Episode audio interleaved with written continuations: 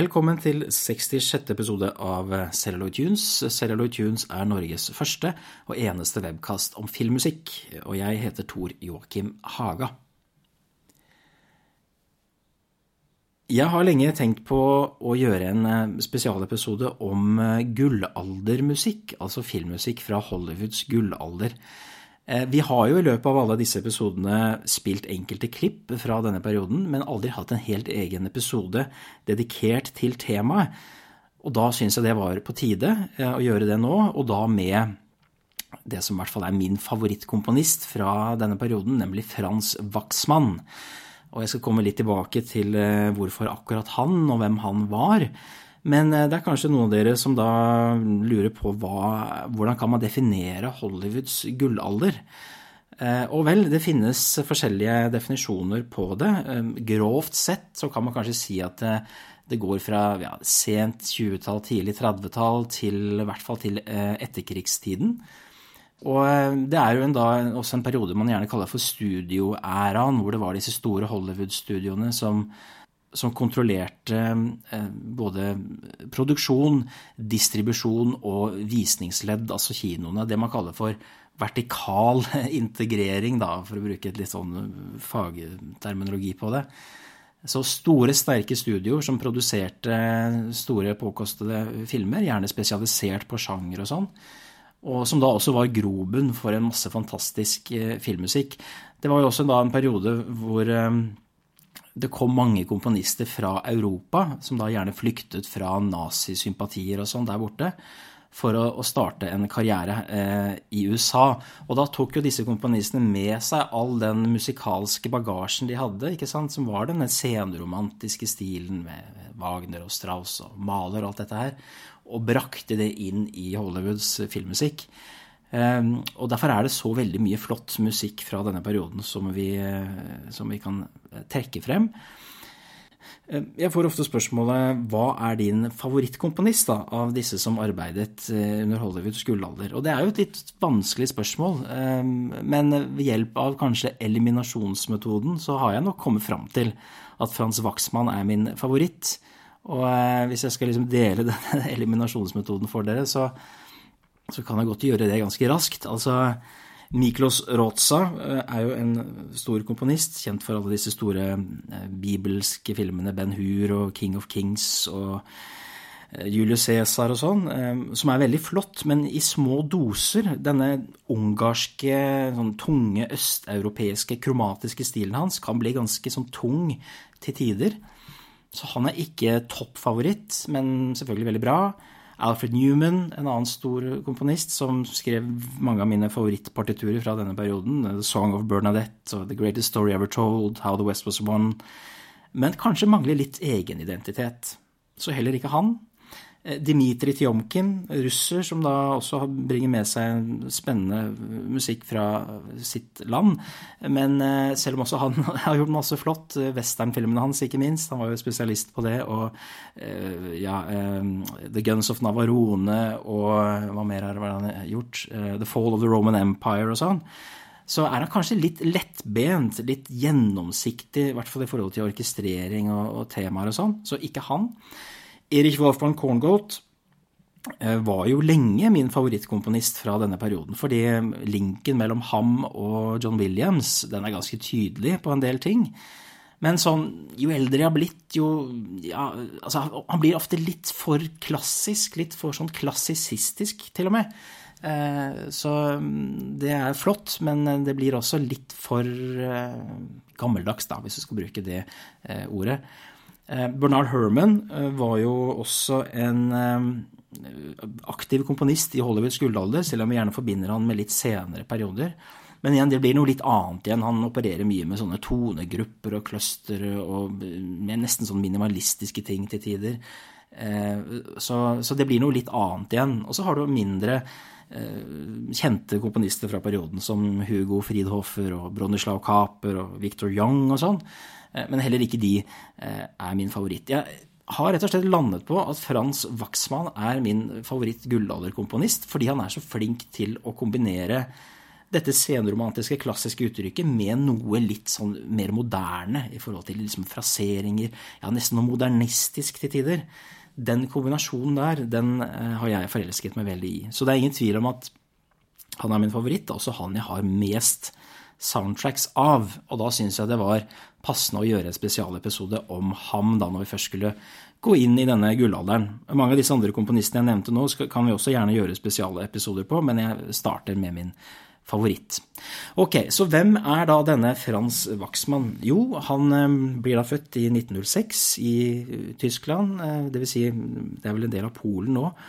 Og en jødisk familie, og vokser opp og går på musikkskoler. Og blir etter hvert assosiert med Fredrik Hollender, eller Friedrich Hollender, som var en kjent tysk komponist og, og arrangør. Som på en måte hjelper Wachsmann inn i den uh, tyske uh, filmindustrien. Blant annet så eh, er han med å arrangere uh, musikken til «The Det blaue engel, da, som Friedrich Hollender gjør i 1930. Men så skjer det da noe i 1934 som er dramatisk for han. Han blir altså banket opp av nazisympatisører i Berlin. Dette er jo perioden hvor det er veldig ubehagelige høyrestrømninger i regionen og landet. Og han, i likhet med veldig mange andre kunstnere og kulturarbeidere av jødisk bakgrunn, flykter da fra Tyskland, eh, først til Paris og så videre til Hollywood. Og eh, i Hollywood så møter han da ganske tidlig eh, regissøren James Whale, som mange av dere kanskje har hørt om. Kanskje da på dette tidspunktet mest kjent for å ha gjort denne filmversjonen av Frankenstein. Og det er altså sånn Waxman kommer inn og gjør sitt første score i eh, Hollywood, nemlig James Wales' oppfølger til Frankenstein, 'The Bride of eh, Frankenstein' fra 1935. Eh, produsert av, av, Universal, som, en, eh, som, blir en stor Altså, blir ikke så stor slager der og da, men i etterkant så er det veldig mange som ser på den som Eh, ja, de, en av de beste oppfølgerne laget noen gang og sånn. Jeg deler nok ikke den entusiasmen for filmen eh, i så stor grad. Jeg syns den blir litt sånn vel melodramatisk og fjollete til tider. Eh, selv om det helt sikkert har vært intensjonen da, fra James Wales' side. Og man kan si veldig mye fint om produksjonsdesignet her og sånn, som jo er veldig tydelig inspirert av eh, tysk ekspresjonisme og sånn, som er fint. Eh, men det, man, det, jeg tar med meg fra den filmen, er jo Waxmans eh, musikk. Eh, det er flere ting her. Han skriver da et tema for Frankensteins monster, da, spilt av Boris Karloff. Et sånn totoners motiv.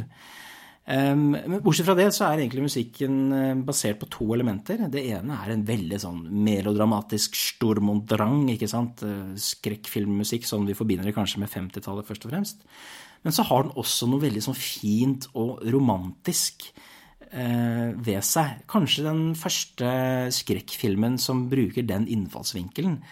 Eh, vi har jo sett det senere i Dracula-filmatiseringer som John Badhams versjon fra 1979 med John Williams' romantiske musikk. Eh, Francis Ford Coppolas Dracula fra 1992 med Wojciech Kielars romantiske musikk. Og Patrick Doyles romantiske musikk til Kenneth Branaghs versjon av Frankenstein fra 94 osv. osv. Men jeg tror nok mye av uh, grunnlaget her ligger i, uh, i denne uh, filmen og dette partituret av Frans Waxman. Så jeg syns jo det er passende at vi skal starte denne spesialepisoden med et utdrag derfra. Et spor som heter Dans macabre.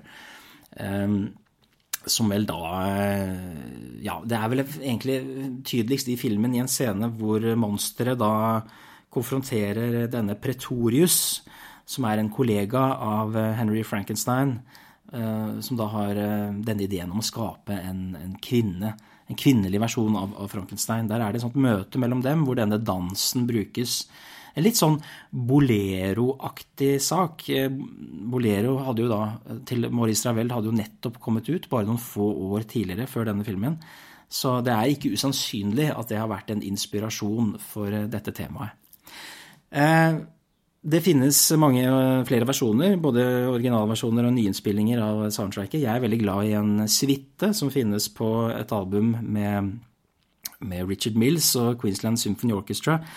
Eh, fra en sånn serie på fire album eh, som de gjorde på, på 90-tallet, med musikk av Frans Waxman som heter Legends of Hollywood. Eh, de CD-ene faktisk danner grunnlaget for en del av de utvalgene og klippene jeg skal spille her i dag. Og den suiten varer riktignok i eh, syv minutter, så den er litt lengre enn det vi pleier å gjøre, men jeg syns vi kan ta oss tid til det eh, i denne episoden. Så dette er altså da Bride of Frankenstein.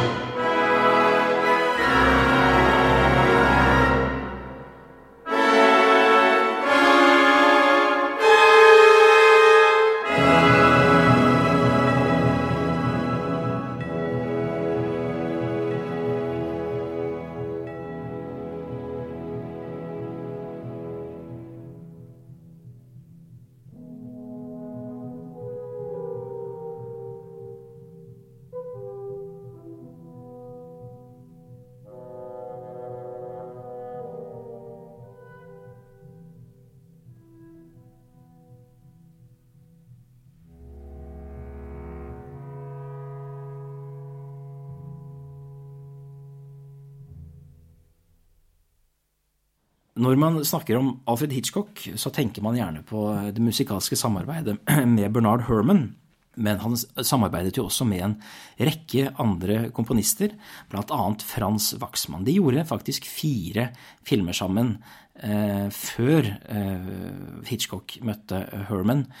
Eh, en av dem er eh, en annen av de tidlige filmene som Waxman jobber på i Hollywood, nemlig Rebecca fra 1940 som er en slags Ja, det er en psykologisk, romantisk thriller. Eh, det er, sånn jeg ser det, en slags blanding av eh, Jane Eyre og Citizen Kane, da. Men Citizen Kane kom jo ikke før et år senere. 1941. Men har, det er, det, tematisk sett så er det litt sånn altså hvor det er en, en ensom mann som bor i et herskapelig slott, nærmest, Mandalay Eh, hvor, han er, eh, hvor, han, hvor, hans kone da har gått bort. Eh, og Så møter han da en annen jente som da kommer til dette fasjonable stedet og oppdager at det er ja, grums i fortiden her. Tilhørende både stedet og denne mannen, spilt av Laurence Olivier, og osv. Så, videre, og så, så det er en sånn litt sånn ulmende film, dette her, hvor eh, det hele tiden er eh, gufs fra fortiden. Det er noe gotisk ved, ved filmen. Selv om jeg kanskje ikke ble så begeistret for den filmen som mange av mine eh, kolleger har blitt. Når det gjelder musikken til Rebecca, så mm, er det også et ganske interessant grep her, hvor Waxman skriver et tema som har en veldig sånn lengtende kvalitet, knyttet da kanskje til, ja, til både dette stedet, Mandalay, til Laurence Olivier, eh, fortid, eh, og denne Rebecca, som var hans eh, ekskone. Det er en type tematikk som vi også ser i filmer som Laura og kanskje til og med Vertigo, eh, hvor da dette i utgangspunktet vakre temaet Eh, romantisk blir gradvis og gradvis mørkere, eh, men voldsomt da til stede i, i, i filmen. Eh, jeg syns det er et veldig flott tema. igjen så vil jeg gjerne spille ikke noe fra originalsoundtracket, for det er så rufsete i sin lydbilde. Jeg spiller noe fra en nyinnspilling som ble gjort for noen år siden. Vi er kanskje tilbake på 90-tallet, tidlig 2000-tall. Dette er hovedtemaet, eller for å være helt presis, main title Forward Opening Scene fra Rebecca.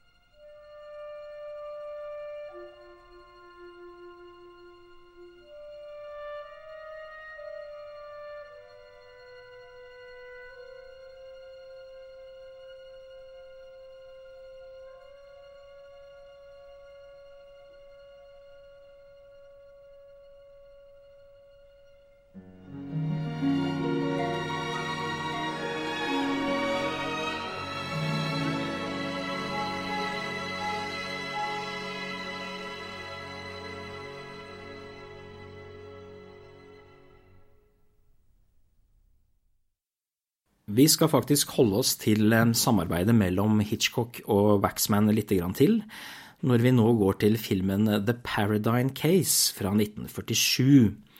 En slags film noir, rettssalsdrama, som eh, er litt sånn tungtrådd, syns jeg. Handler altså da om eh, eh, en kvinne, Mrs. Paradigm, som som antas da kanskje å ha drept sin blinde mann, men så er det også en tjener inne i bildet her og sånn. Gregory Peck som advokat, selvfølgelig, hadde jeg nær sagt. Og Charles Lawton i en herlig rolle som denne dommeren. Så eh, den har kvaliteter, men eh, den er for langdryg, rett og slett, eh, synes jeg, da. Så, men det som grunnen til at jeg har den med her, er jo musikken til Waxman, som som er interessant. Det er store deler, store strekk av filmen har ikke musikk i det hele tatt. Spesielt alle rettssalsscenene og sånn. Det de belager seg mer på da eh, intensiteten i selve dialogen og sånn. Så mesteparten av musikken her fins i første halvdel, eh, hvor Waxman da skriver en såkalt passacaglia, som er en, en spansk danseform, da men en, en sånn Chopin-aktig eh, tema for eh, denne eh, Mrs. Paradine. Eh, som faktisk da introduseres av karakteren selv mens hun sitter og spiller piano tidlig i filmen.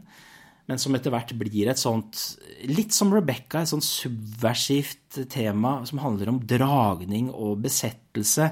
Altså Gregory Pecks advokat han blir jo veldig besatt av denne mystiske Mrs. Paradine, så i starten så er det noe sånn det er noe lengselsfullt over det med dette her eh, temaet basert på åpne eh, mollharmonier og sånn. Så det syns jeg er et veldig interessant grep, men det er også et veldig flott musikalsk stykke som står veldig fint på egne ben. Så selv om man, jeg har innsigelser mot denne filmen, så syns jeg at musikken her til Waxman nærmest lever sitt eget liv. Og eh, det ble da også spilt inn en veldig flott tolv minutters suite på dette albumet jeg nevnte i stad, med Richard Mills og Queensland eh, Symphony Orchestra. Eh, vi kan ikke spille hele den suiten her nå, den blir litt for lang. Men eh, jeg har klipt og limt litt, sånn at vi i hvert fall kan høre litt av denne flotte passacagliaen med disse piano, med disse sånne virtuose pianoelementene og sånn. Dette er The Paradine Case.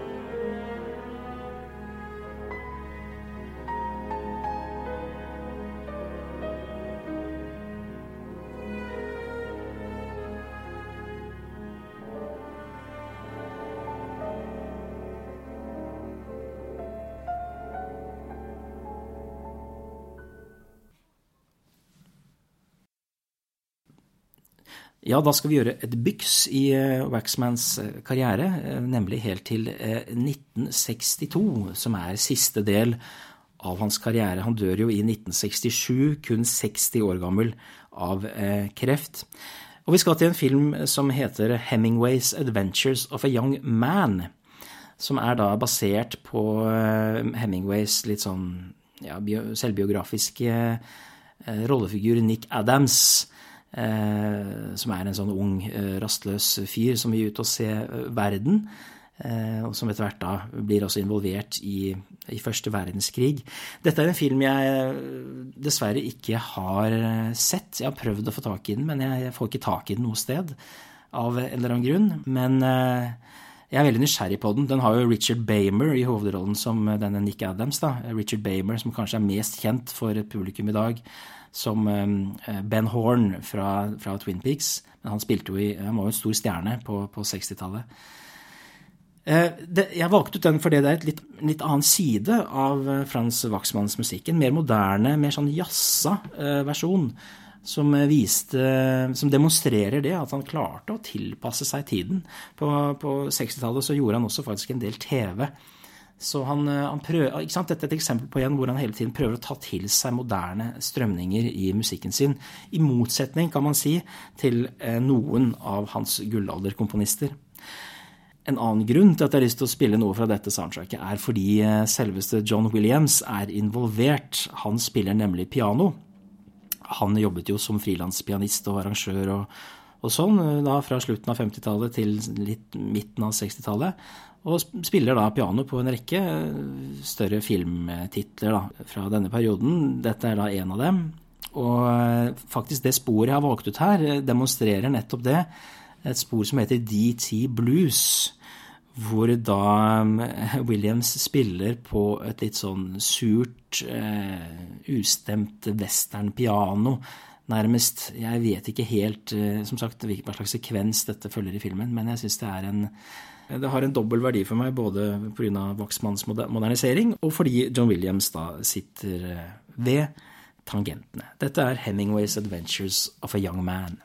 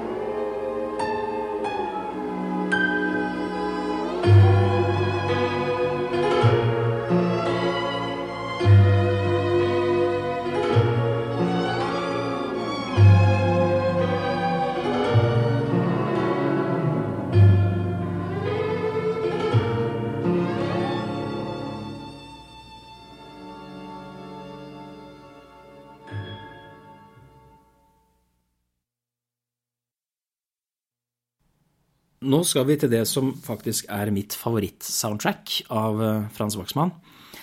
Nemlig Peyton Place fra 1957, regissert av Mark Robson.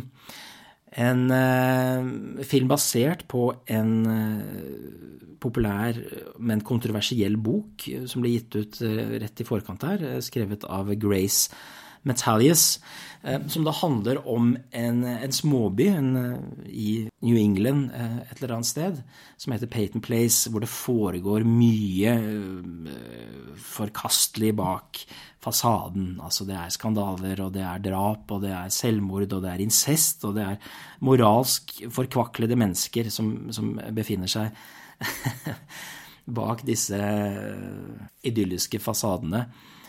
Og eh, det er klart, når man skulle lage en film av dette her, så støtter man jo på en del problemer, fordi eh, det var ikke sjans for Mark Robson å lage en film som var tro til boken når han måtte forholde seg til streng, streng sensur. Dette er jo tiden for The Haze Code og sånn, som virkelig la føringer på hva man kunne lage film om. Det skulle være moralsk og byggelig hele veien.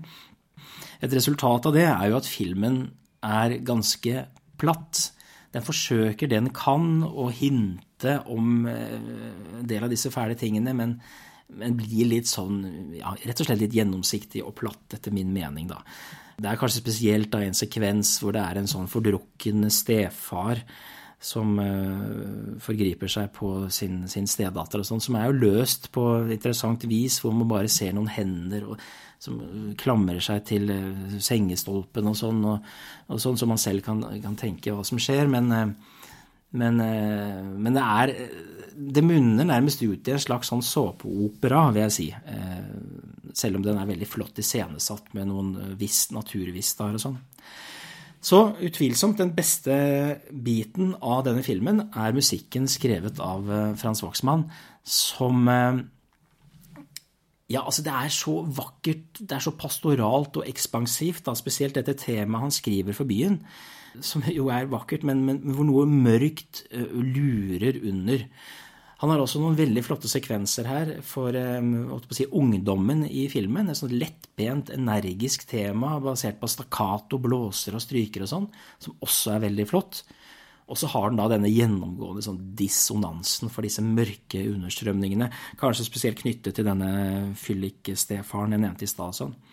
Så det er et sammensatt, men veldig dynamisk og flott score, hvor Waxman er så god på å Eh, ja, variere og arrangere eh, temaene etter stemningsvalør. Nå også skal jeg da spille fra en nyinnspilling med Frederick Talgorn og Royal Scottish National Orchestra, nemlig åpningssporet Main Title.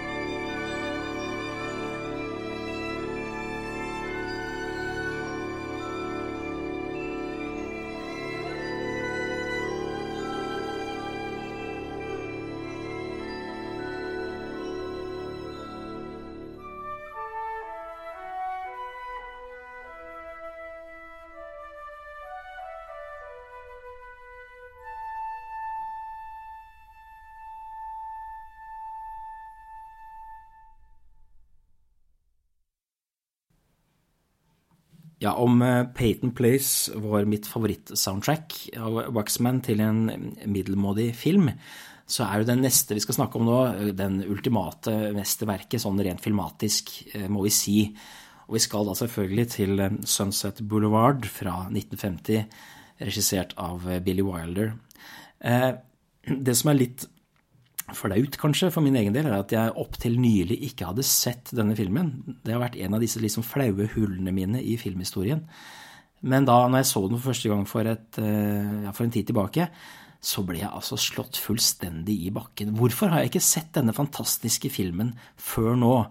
Fordi ja, det er så mye eh, man kan si om den. Det er jo da, som dere, mange av dere vet, handler om denne, denne stumfilmstjernen eh, Norma Desmond, spilt av Gloria Swanson, som blir da forbundet sammen med denne ja, mislykkede manusforfatteren, spilt av William Holden. Eh, så Det er jo en film som handler om, selvfølgelig om forfall, om å knuge seg fast til fortidens storheter. Eh, og veldig mye av denne tematikken speiles jo i Billy Wilders fantastiske iscenesettelser. Dette, dette forfalne eh, huset som Norma Desmond bor i. Eh, altså den chiaroscuro, sånn film noir-aktige belysningen. Det er så mye flott eh, i denne filmen. Og et av de eh, aller flotteste elementene er jo Frans Waxmanns musikk, som eh, også da fikk en Oscar, mener jeg å huske, for, eh, for dette. Og musikken har egentlig to interessante ting her. Eh, det ene er at den har en sånn altså Det finnes ikke noe godt norsk ord for det, men urgency, ja, en travelhet. Det er veldig energisk, insisterende. Eh, ifølge Waxman selv så skal det da være med på å illustrere Norma Desmonds eh, gradvis fall inn i galskap. At den har denne veldig sånn frenetiske, litt sånn Bernard Herman-aktige nesten, energien i seg. Og så er det også blandet inn i det noen nesten sånn jazzharmonier eh, på piano og sånn. Som om det er et slags gufs fra fortiden. Altså stumfilmen, Norma Desmonds storhetstid, Hollywood. Eh, sånn ekko, eh, nærmest. Dette jazza pianotemaet som legges ovenpå. Det er en type musikk som kommuniserer veldig mye ved hjelp av ganske få og enkle grep. Så eh, det er klart vi måtte spille noe fra Sunset Boulevard. Og igjen da en uh, nyinnspilling av um, Det er vel Joel McNeely og Royal Scottish National Orchestra.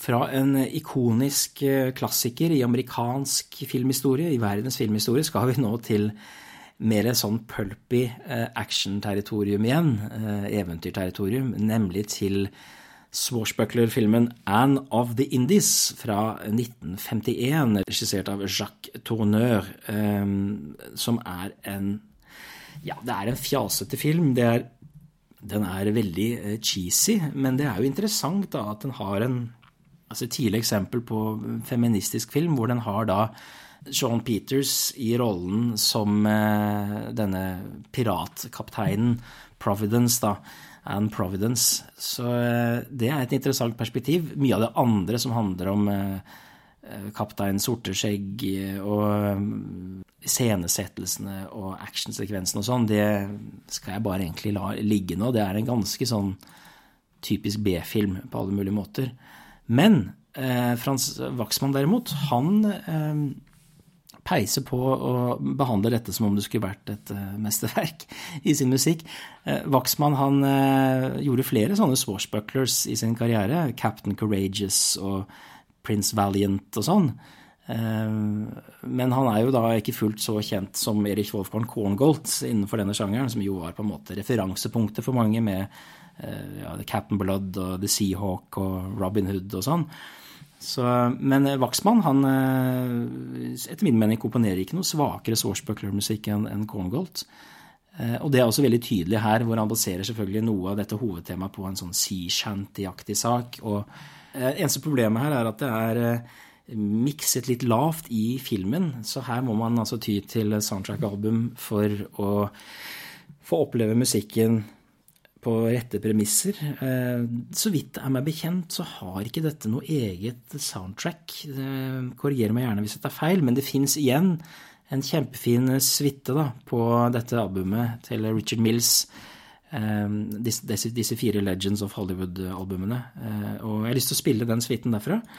Dette er Anne of the Indies fra 1951.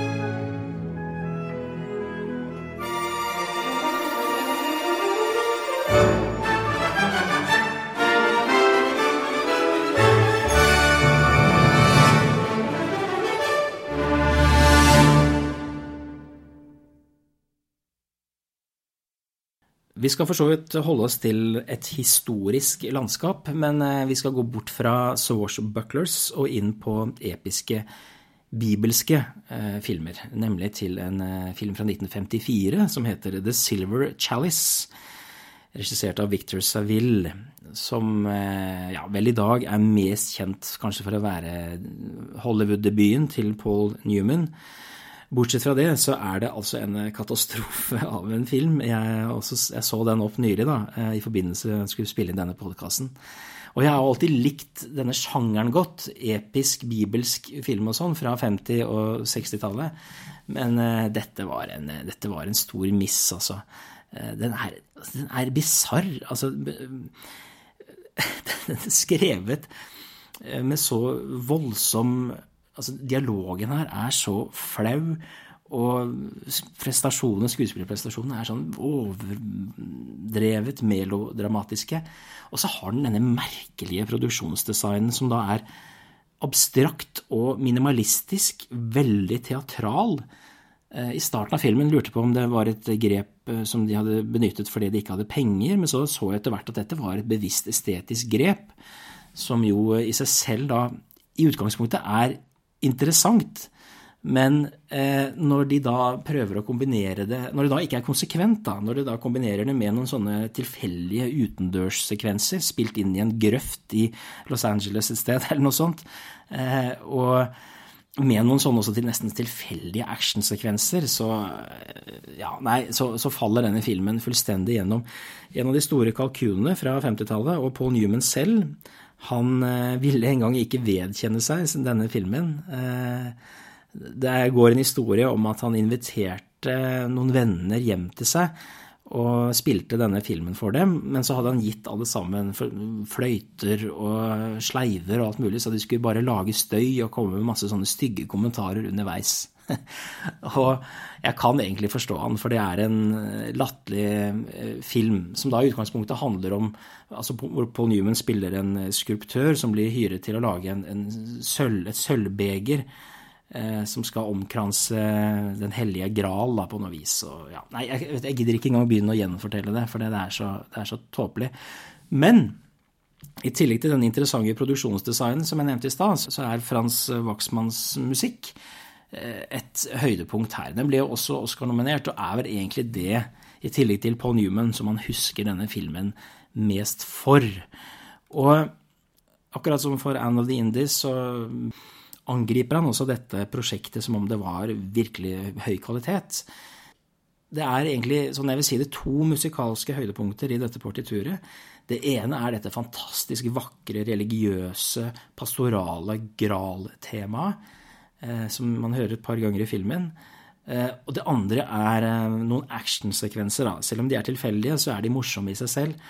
Og der skriver da Waxman en slags sånn fugeaktig actionspor. Og det var et sånt kjennetegn egentlig for Waxman, det at når han hadde noen sånne set pieces å forholde seg til, så bruker han gjerne klassiske former som en scherzo eller en fuge, ofte da, som i dette tilfellet, som gir eh, sekvensene en slags sånn en, en, en, helhetlig kvalitet, i motsetning til f.eks.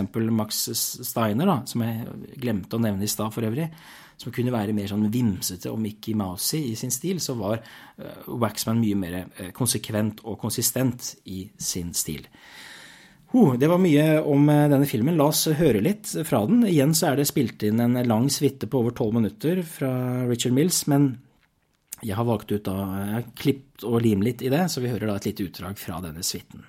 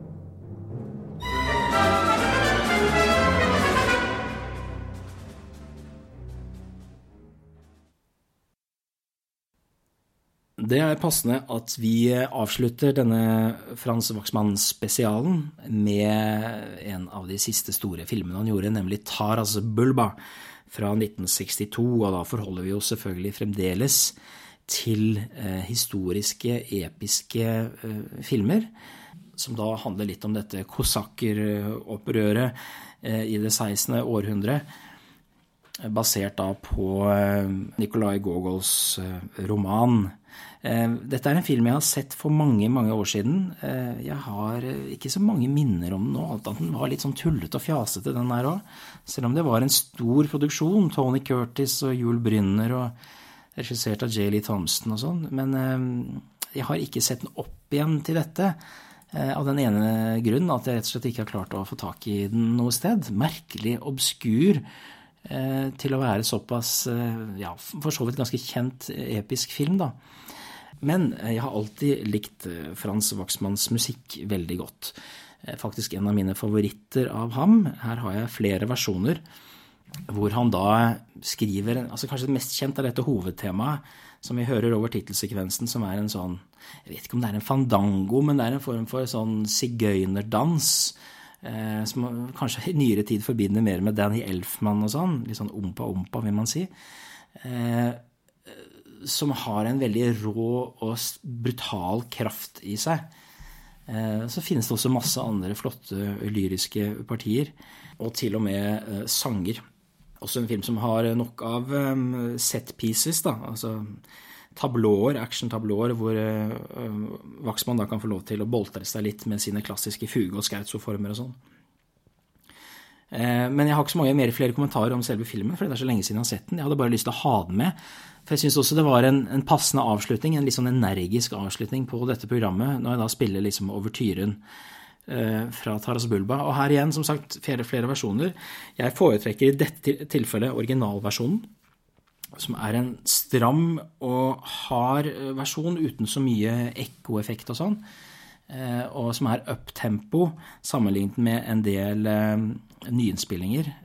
Det finnes bl.a. en nyinnspilling med Elmer Bernstein her på samlealbumet Sayonara Orchestral Suites, som er altfor treg og altfor romslig i sin klang. Så her er det faktisk originalversjonen som, som teller, syns jeg. Så eh, la oss avslutte episoden med overtyren fra eh, Taras Bulba.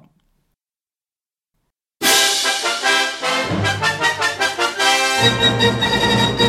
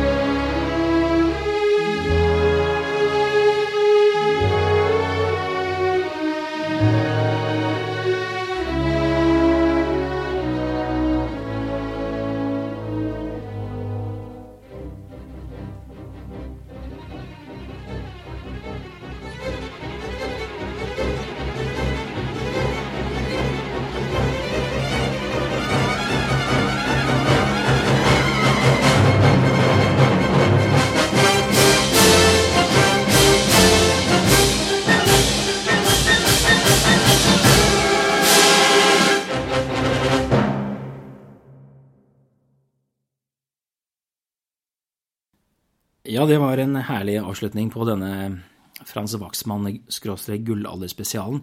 Det er jo så mye mer av han jeg har lyst til å spille. Altså, Vi har jo ikke spilt noe fra A Christmas Carol, f.eks., som har sånn nydelig julemusikk. Eh, eh, vi har ikke spilt noe fra Suspicion, en annen eh, Hitchcock-samarbeid, Philadelphia Story, Objective Burma. I det hele tatt, mange av de filmene han gjorde sammen med Delmer Daves, kunne jeg ha plukket mye ut av fra.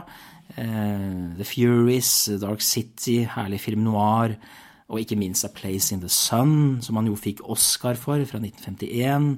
Eh, Stalag 17, en annen Billy Wilder-film. Der er det ikke så mye musikk, riktignok. Eh, Demetrius and the Gladiators, fantastisk episk film som er bedre enn eh, The Silver Chalice, selv om jeg foretrekker musikken til The Silver Chalice. Hitchcocks Rear Window, igjen lite musikk, men det som er der, er jo interessant.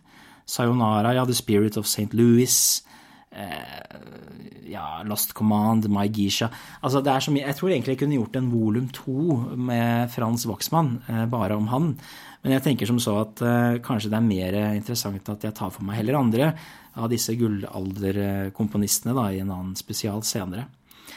Eh, det var i hvert fall veldig morsomt å kunne snakke om min favoritt fra denne perioden, og veldig deilig også å kunne snakke om litt gammel musikk av og til, at ikke alt trenger å være nytt og aktuelt. Kom gjerne med kommentarer i eh, kommentarfeltet, og kom gjerne med forslag til andre eh, gullalderkomponister eller andre komponister du vil høre spesialepisoder om. Det var det. Jeg kommer eh, snart tilbake med en eh, ny episode. Inntil da så sier jeg vi eh, høres.